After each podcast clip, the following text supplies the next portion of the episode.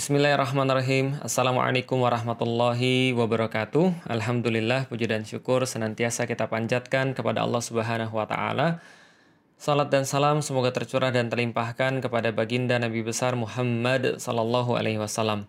Pertama-tama saya mendoakan mudah-mudahan teman-teman sekalian di hari yang ke-26 ini yang berarti semalam adalah hari ke-25, mudah-mudahan uh, malam 25 ini termasuk malam Lailatul Qadar. Mudah-mudahan Ya kalau enggak ya berarti malam 21, kalau enggak ya 23, kalau enggak ya 27 atau 29. Tapi mudah-mudahan Allah memberikan kita keberkahan karena sampai jam sekarang sekitar jam 11 ini langit masih sangat mendung, uh, enggak mendung juga enggak cerah dan mudah-mudahan kita semua diterima oleh Allah. Allah terima sholat kita, Allah terima rukuk kita, Allah terima sedekah kita, Allah terima amal-amal soleh kita, bacaan-bacaan Quran kita, Allah terima semua doa-doa kita, dan mudah-mudahan Allah menjadikan kita termasuk orang-orang yang bersyukur sekeluar daripada bulan Ramadan ini. Alhamdulillah, Alhamdulillah, Masya Allah, Allah jadikan kita sebagai hamba Allah, dan Allah jadikan kita sebagai pengikut Nabi besar Muhammad Sallallahu Alaihi Wasallam. Dan Alhamdulillah teman-teman sekalian, kita masih melanjutkan bahasan kita tentang life is choice. Dan kita sudah bahas kemarin sampai pertemuan ketiga. Kita baru bahas sampai masih bab ke satu tentang hidup adalah pilihan poin yang ketiga. Bahwa setiap pilihan pasti punya konsekuensi. With uh, with greater power comes greater responsibilities. Asik. Jadi bersamaan dengan uh, besarnya suatu kekuatan atau besarnya suatu keinginan akan muncul uh, apa namanya tanggung jawab yang lebih besar lagi. Di dalam di dalam Al-Qur'an itu senantiasa diulang-ulang rumus semacam ini. Misal dalam dalam ayat yang saya pikir sama-sama kita hafal, "Summalatus alunna yauma idzin anin naim." Uh, setiap kenikmatan kata Allah pasti akan diminta pertanggungjawaban. Berarti semakin besar kenikmatan yang diberikan oleh Allah kepada seseorang, maka makin besar pula kenik makan maka makin besar pula pertanggungjawaban yang Allah akan minta bagi dia. Maka ada uh, ada orang yang Allah kasih rezeki dalam hidup dia misalnya per bulannya dia punya 100 miliar. Tentu saja pertanggungjawabannya lebih besar daripada orang yang punya rezeki satu bulannya cuma 5 juta. Kenapa? Karena setiap sen itu akan dipertanggungjawabkan oleh Allah. Maka dalam hadis yang lain dikatakan bahwa orang-orang yang kaya itu masuk surganya 500 tahun belakangan daripada orang miskin. Kenapa? Karena perhitungannya banyak, akuntansinya banyak, tebal perhitungannya. Tapi bukan berarti jadi orang kaya itu salah. Tidak juga, karena orang-orang kaya yang mendermakan hartanya di jalan Allah Subhanahu wa taala, Allah katakan maka mereka juga mendapatkan kenikmatan-kenikmatan yang utama, sebagaimana yang terjadi pada sahabat-sahabat pada sahabat-sahabat yang mereka senantiasa menggunakan hartanya di jalan Allah Subhanahu wa taala. Tapi poinnya, kita sudah jelaskan kemarin juga termasuk kisah tentang Isa ibnu Maryam yang ketika Hawariyun meminta makanan maidatam minas sama, uh, mereka minta makanan dari langit, maka Allah kabulkan dengan notes. Apa notesnya? Kalian harus lebih bertakwa kepada Allah karena kami kasih sesuatu yang lebih daripada yang lain. Kami kasih lebih istimewa, kamu harusnya lebih tahu diri. Tapi kalau kamu tidak tahu diri, Allah katakan seolah-olah begitu, kamu akan mendapatkan azab yang lebih pedih daripada yang lain. Kenapa? Karena Allah sudah kasih sesuatu. Jadi hati-hati dengan apa yang kita minta pastikan apa yang kita minta itu kita tahu mau ke mana. Jadi jangan hanya minta mobil, jangan hanya minta rumah, jangan hanya minta kawin gitu kan, minta nikah gitu ya. Jangan hanya minta, tapi kita harus bisa mempertanggungjawabkan dulu. Kalau misalnya lebih bagusnya adalah kita sudah kita sudah perlu baru kita minta. Kita misalnya kita sudah ngadain satu uh, satu TPA misalnya. Kita ngadain satu TPA di satu ruko misalnya. Kemudian TPA itu berkembang dari satu orang, dua orang, sepuluh orang sampai 50 orang. Setelah 50 orang itu ruko sudah nggak muat lagi. Maka doa kita pada Allah, ya Allah engkau tahu kami perlu TPA, kami perlu tempat yang lebih luas untuk nampung anak-anak, untuk diajarkan untuk baca Al-Quran, untuk diajarkan tentang Islam. Tapi tempat kami sudah mulai nggak muat ya Allah. Engkau tahu apa yang akan kami lakukan kalau engkau berikan kami harta tambahan. Maka kami akan sewa tempat yang lain. Kami akan sewa tempat yang lebih besar. Ya Allah engkau tahu ya Allah sampai sekarang aku dakwah. Dan seandainya aku punya motor ya Allah, ini harusnya lebih besar, lebih luas jangkauan dakwahku ya Allah. Maka setiap apa pun yang Allah berikan itu ada hisapnya, itu ada konsekuensinya. Maka saya sering bilang sama istri saya, bagaimana caranya untuk semua yang kita beli ini, semua yang kita nikmati ini adalah sesuatu yang ringan hisapnya. Maka pergunakan untuk kebaikan. Maka berlakulah dari situ di keluarga saya eh, dan saya juga memberikan prinsip ini pada pada siapa pun yang berada di dekat saya adalah kalau kita berbicara tentang kehidupan kita, maka kita ambil standar-standar minimal kalau kita bisa. Tapi kalau kita sudah berbicara tentang dakwah, maka itu harus yang paling bagus. Kita harus benar-benar uh, royal terhadap dakwah. Kalau seandainya memang untuk dakwah, belilah kamera yang terbaik. Kalau memang untuk dakwah, belilah HP yang terbaik. Kalau memang untuk dakwah, maka belilah komputer yang terbaik. Kenapa? Karena kita gunakan untuk di jalan Allah. Kita ringankan hisapnya. Jangan sampai kemudian kalau seandainya kita beli sesuatu justru untuk diri kita yang paling bagus untuk dakwah kita sisa-sisain akhirnya. Misalnya, kadang-kadang ada orang ada orang pengen surganya Allah pengen surga Allah yang paling tinggi, surga Firdaus. Lalu masuk surga tanpa hisap pula. Tapi kerjaannya hanya mengesampingkan Islam.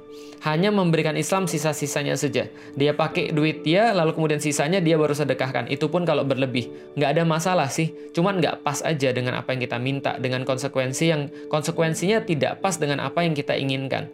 Nah, artinya kalau seandainya kita berbicara tentang Islam, kita berbicara tentang dakwah, maka itu harusnya yang paling bagus.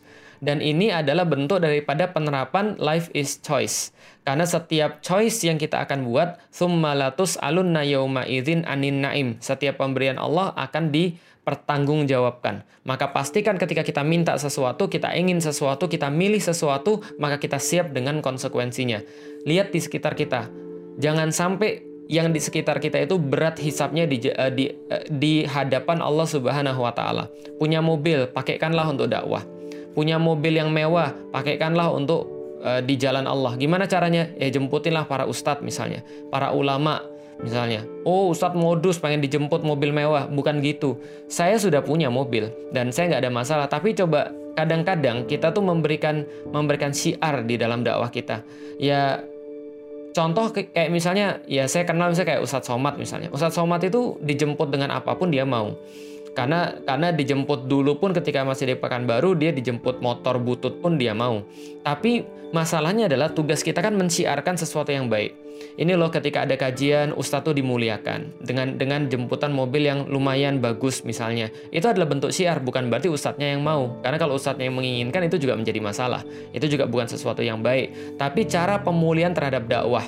Misalnya lagi, kalau seandainya kita punya kita ahli sound system, saya punya teman ahli sound system, dia menggunakan kemampuannya untuk dakwah. Kenapa? Supaya memperingan hisapnya. Kita punya harta, harta itu harus diringankan hisapnya. Bagaimana cara meringankan hisapnya? Wa mimma razaqnahum yunfiqun. Maka di, e, di sebagian apa pun yang telah Allah sampaikan kepada kita, maka kita menginfakkan untuk dikembalikan kepada jalan Allah Subhanahu wa taala. Maka ini adalah setiap yang namanya keinginan, setiap yang namanya pilihan pasti ada konsekuensinya dan orang tidak bisa lepas dari sana. Pengen jadi orang baik, ada konsekuensinya. Pengen jadi orang jahat, ada konsekuensinya. Nggak mau jadi orang baik dan nggak mau jadi orang jahat, itu konsekuensi yang paling besar. Kenapa? Karena yang di tengah-tengah tuh paling nggak enak. Mau jadi laki-laki, ya laki-laki. Mau jadi perempuan, ya perempuan. Di tengah-tengah nggak laki-laki, nggak perempuan, nggak jelas. Ini yang paling nggak enak. Anda, Anda ibarat gini, kalau Anda naik angkot, kaki kaki kiri sebelah angkot yang satu, kaki kanan di sebelah angkot yang lain. Gimana ceritanya kira-kira? anda polisi bukan, penjahat juga bukan. Kalau Anda polisi, pasti banyak yang nggak suka. Ketika Anda menegakkan kebenaran misalnya. Kalau Anda jadi penjahat, ya berarti polisi nggak suka. Kenapa? Karena musuhnya dia. Nah kalau Anda jadi penjahat enggak, jadi polisi enggak. Di depan polisi Anda berlagak jadi polisi, di depan penjahat Anda berlagak jadi penjahat. Berarti di depan polisi Anda dianggap menjadi orang yang enggak benar, di antara penjahat Anda dianggap intel. Lah berarti ini yang yang nggak enak, tengah-tengah tuh nggak enak. Laki-laki enak, perempuan enak, di tengah-tengah itu yang nggak enak gitu kan? Ya maka ini harus kita pahami bahwa hidup adalah pilihan dan setiap pilihan tuh pasti menimbulkan konsekuensi. Nah kemarin kita sudah bahas teman-teman sekalian bagaimana memilih seperti Rasulullah itu mempunyai konsekuensi yang saya janjikan ada di dalam surat Al-Fatihah. Teman-teman sekalian di dalam surat Al-Fatihah itu Allah memberikan satu permintaan yang harus diminta oleh para hambanya yang merupakan inti daripada suratul Fatihah, yaitu adalah ihdinas siratal mustaqim. Ya Allah, kami meminta jalan yang lurus. Kami meminta ditunjukkan jalan yang lurus. Itu kan permintaan. Itu kan adalah sebuah pilihan. Ya Allah, kami memilih jalan yang lurus. Lebih lengkap lagi, kita menspesifikasi pilihan itu kepada Allah Subhanahu wa taala. Siratal ladzina an'amta alaihim. Ya Allah, kami meminta jalan, bukan hanya sembarang jalan, tapi jalan yang telah Engkau berikan kepada orang-orang sebelum kami. Siratal ladzina an'amta alaihim. Sebelum kami yang Engkau berikan nikmat kepada mereka ghairil maghdubi alaihim waladdallin. Ya Allah, kami tidak mau jalan-jalan orang sebelum kami yang engkau murkai dan mereka yang tersesat. Berarti kita sampaikan kepada Allah, ya Allah kita pengen jalan-jalan seperti orang-orang yang terdahulu yang diberikan nikmat, bukan jalan orang-orang terdahulu yang mereka sesat dan mereka dimurkai oleh Allah Subhanahu wa taala sorry, yang dimurkai dan sesat daripada Allah Subhanahu wa taala.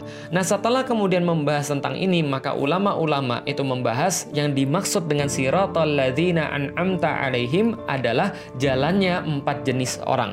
Yang pertama, minan nabiyyin, yang kedua, minas syuhada, yang ketiga, minas siddiqin, yang keempat, minas salihin. Yaitu adalah jalannya para nabi, kalau enggak mereka para syuhada, kalau enggak mereka para siddiqin dan mereka para solihin. Dan keempat-empatnya ini, semuanya ini adalah jalan orang-orang yang sengsara dan susah dalam pandangan manusia. Kenapa mereka sengsara? Kenapa mereka susah? Karena itu konsekuensi yang harus mereka bayar ketika mereka memilih sirotol mustaqim.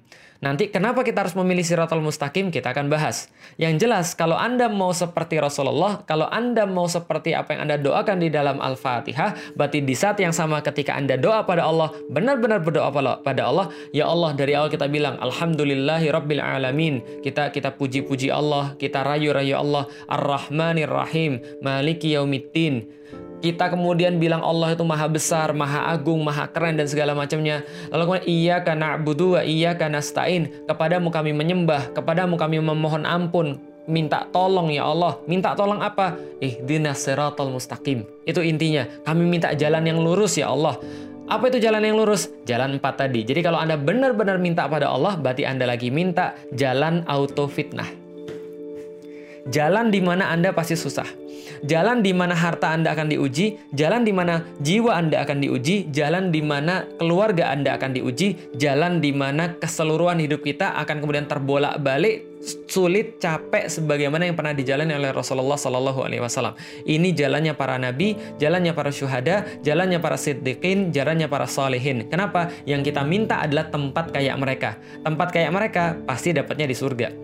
Maka ketika kita pengen tempat kayak mereka, Allah kasih tahu ini jalan satu-satunya. Jadi ini adalah price to pay. Ini adalah price tag-nya. Price tag-nya adalah Anda harus mengorbankan amfusikum wa amwal uh, sorry, anfusahum wa amwalahum bi anna lahumul jannah. Mereka harus mengorbankan anfus mereka, mereka harus mengorbankan uh, apa namanya? amwal mereka bi anna lahumul jannah. Lalu Allah ganti dengan surganya Allah. Dan menjadi dan nabi syuhada, siddiqin, salihin itu nggak pernah leha-leha, nggak pernah hidupnya uh, dalam tanda kutip ya itu seperti ideal. Walaupun kalau kita tahu nanti ini adalah hidup yang paling ideal. Tapi menurut orang kebanyakan mereka bilang ini sulit ngapain. Tapi inilah jalan yang harus kita pilih. Ini adalah price yang harus kita bayar. Contoh misalnya para nabi. Nabi itu sulitnya minta ampun. Rasulullah Shallallahu Alaihi Wasallam itu pernah berkata bahwa dibandingkan dengan cobaan nabi-nabi yang lain, maka apa yang beliau alami itu jauh lebih besar. Karena beliau adalah nabi yang terakhir, nabi dengan misi yang lebih besar, nabi dengan tugas yang lebih banyak, maka beliau pun mendapatkan hantaman yang lebih keras daripada nabi-nabi yang lain. Ini yang terjadi pada Rasulullah Shallallahu Alaihi Wasallam. Bayangkan ketika beliau ditinggal oleh Khadijah ditinggal oleh pamannya Abu Talib yang selama ini melindungi dia. Tidak ada lagi yang melindungi dia secara fisik dan gak ada lagi yang membuat dia nyaman secara hati. Maka beliau Shallallahu Alaihi Wasallam di saat yang sama menghadapi banyak cacian, menghadapi banyak hantaman, menghadapi banyak kemudian serangan fisik dan bahkan ketika beliau lagi berharap-harap banget kepada orang-orang yang ada di Taif, yang ada di Taif itu kemudian diharapkan bantuannya, tapi di saat yang sama orang-orang Taif itu menolak Rasulullah dengan cara melempari batu.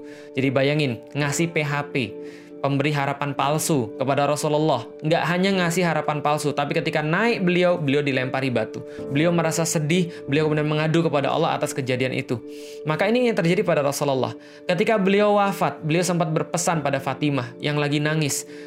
Santai Fatimah, sudah jangan nangis lagi, jangan sedih. Kenapa? Bapakmu ini setelah ini nggak akan ada lagi yang bisa menyakiti. Kenapa? Karena beliau tahu persis Fatimah juga tahu persis dalam kehidupan beliau senantiasa dipenuhi oleh ketidakenaan, kesukaran. Maka itu kehidupan para nabi. Kehidupan para syuhada juga sama. Mereka siap untuk kemudian mengorbankan apa pun di medan perang. Mereka siap untuk mengorbankan jiwa dan raganya untuk melaksanakan apa pun yang Allah inginkan. Orang-orang siddiqin adalah orang-orang yang membenarkan kebaikan, membenarkan nabi dan tidak jarang di antara mereka adalah orang-orang yang dibunuh. Lihat dalam surat Yasin. Bagaimana ketika seorang pemuda wajah amin aqsal madinati rajulu yas'a. Ketika datang seorang pemuda datang dari ujung kota untuk membenarkan para nabi, maka dia membenarkan para nabi, mentasdik para nabi, dia harus mati diinjek-injek sampai ususnya keluar dari anusnya. Artinya ini adalah adalah orang-orang yang siddiqin. Abu Bakar As-Siddiq, nama As-Siddiq itu diambil daripada ketika beliau membenarkan Rasulullah. Bagaimana kehidupan beliau? Bagaimana pengorbanan harta beliau? Bagaimana beliau mengambil dirinya sebagai pelindung Rasulullah ketika di uh, gua, ketika bersembunyi daripada kejaran orang-orang kafir Quraisy. Beliau membiarkan dirinya untuk digigit uh, kala jengking, uh, digigit oleh uh, sera, apa namanya? Ya kala jengking, skorpion. Sementara dia melindungi Rasulullah Shallallahu alaihi wasallam.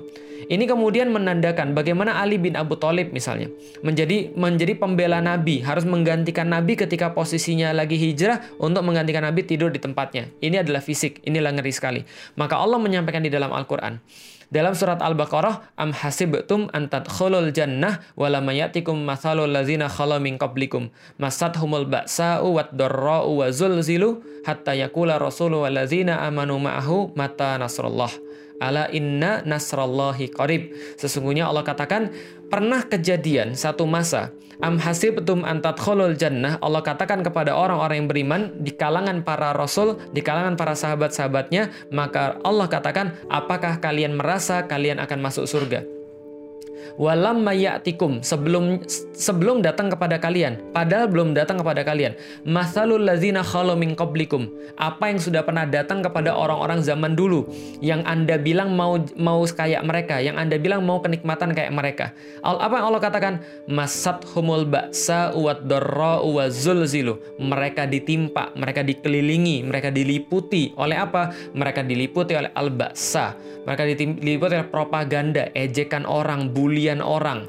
Lalu kemudian mereka difitnah sama orang, dituduh segala macam sama orang. Itu al-ba'sa, propaganda yang keluar daripada lidah orang yang menyakitkan bagi kita. Ini adalah al-ba'sa. Yang kedua, wat dorro dan wat dorro. Dorro asal kata dari bahasa Arab diterjemahkan dari dalam bahasa Indonesia dorro deraan. Deraan tuh bersifat fisik, didera fisiknya, ditimpa pakai batu, dilukai, lalu kemudian dibunuh, dicincang, digergaji kepalanya. Ini adalah wat dorro, wazul zilu dan digoncangkan.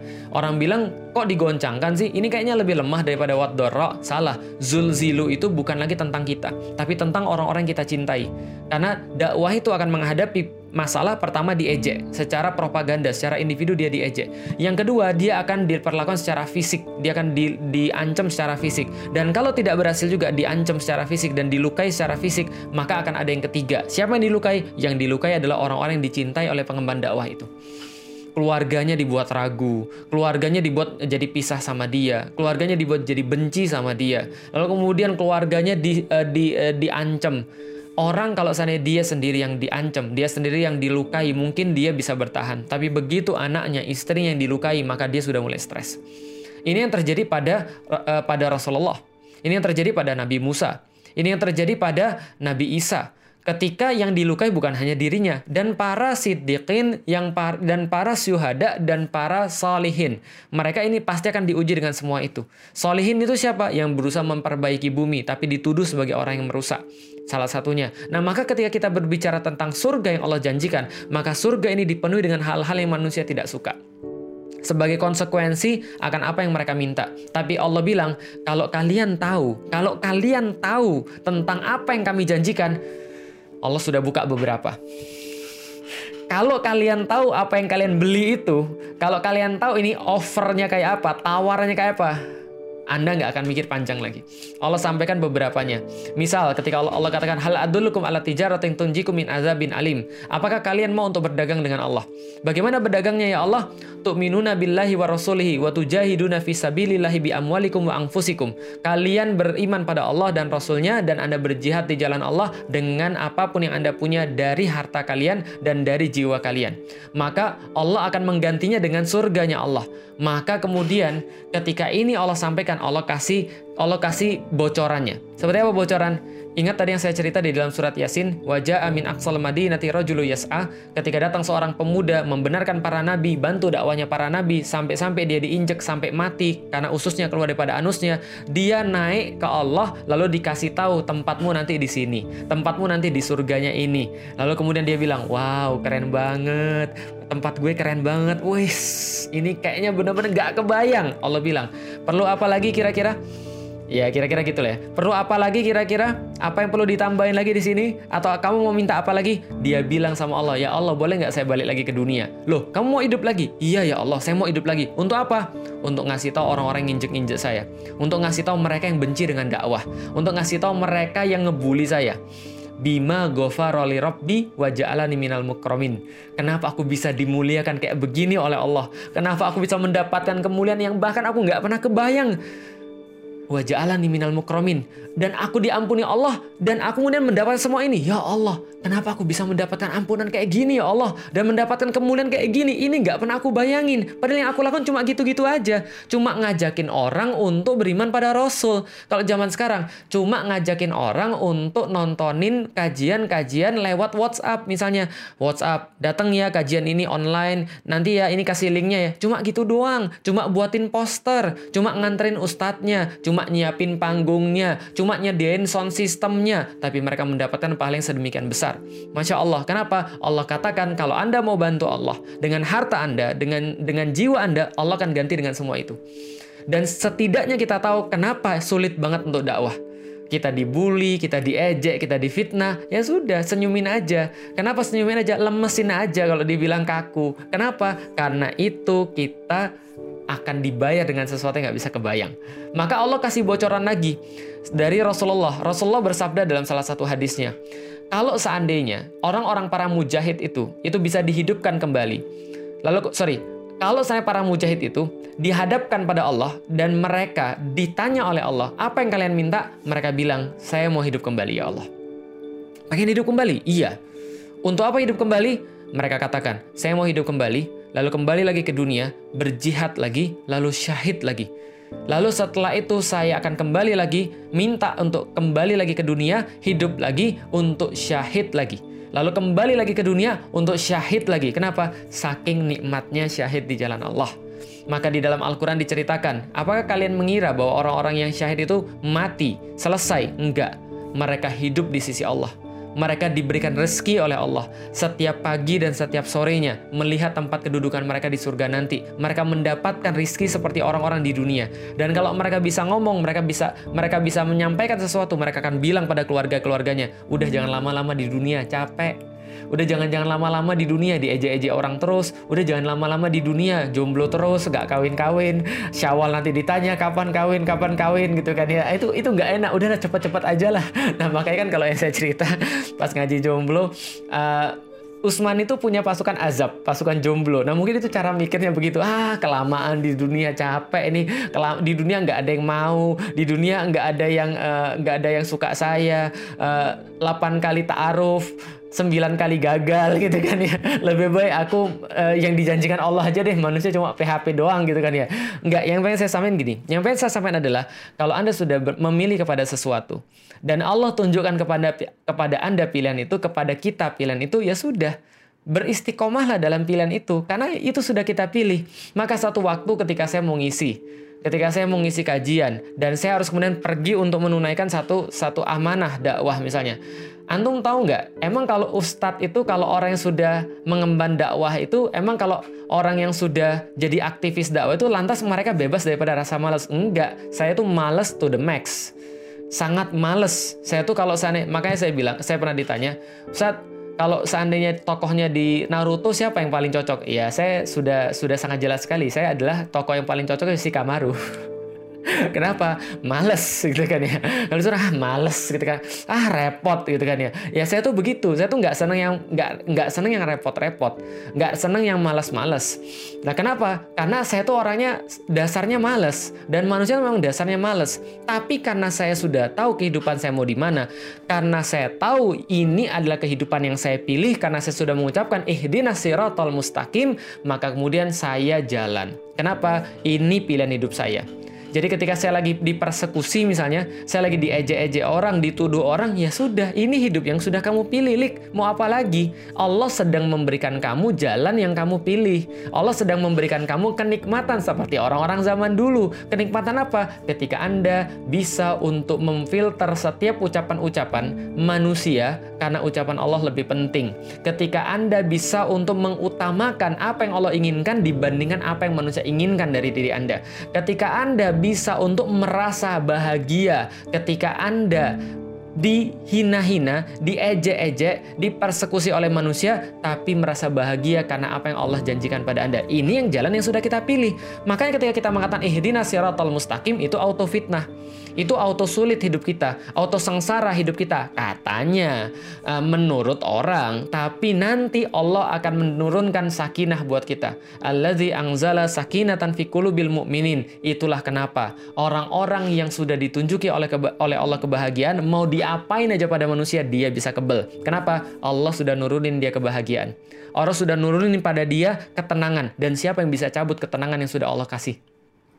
Dan siapa yang Allah, siapa yang bisa kasih pada orang ketenangan kalau Allah nggak mau ngasih dia? Maka lihat aja, orang-orang yang memusuhi dakwah itu, itu hidupnya stres sendiri.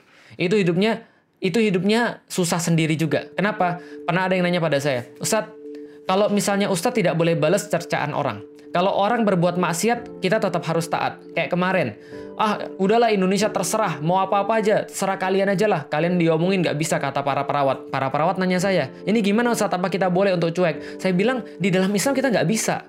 Di dalam Islam kita harus tetap peduli. Di saat orang lain itu kemudian acuh dan tidak acuh. Di saat orang lain maksiat kita harus tetap taat.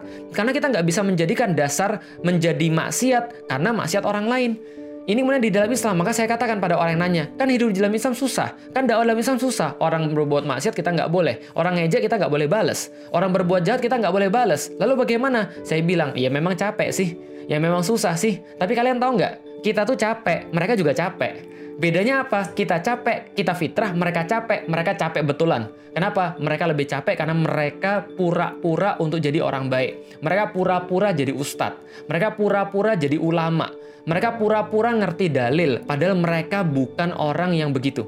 Lihat aja, ada orang yang pakai nama Ustadz titik-titik gitu kan ya. Padahal dia nggak ngerti sama sekali tentang agama Allah, cuma mempermainkan aja. Nah itu kan capek. Untuk berbuat tidak pada fitrahnya. Suruh ikan, ikan suruh kemudian untuk jalan, suruh manjat gunung. Ya susah, capek. Kalau kita, memang kerjaan kita tiap hari begitu. Kita berusaha menjalankan Islam dalam kehidupan kita, dan kita ngomong pada orang lain karena kita sudah merasa happy dengan Islam kita kita udah merasa senang dengan Islam kita. Kita merasa ini kita banget gitu loh maksudnya.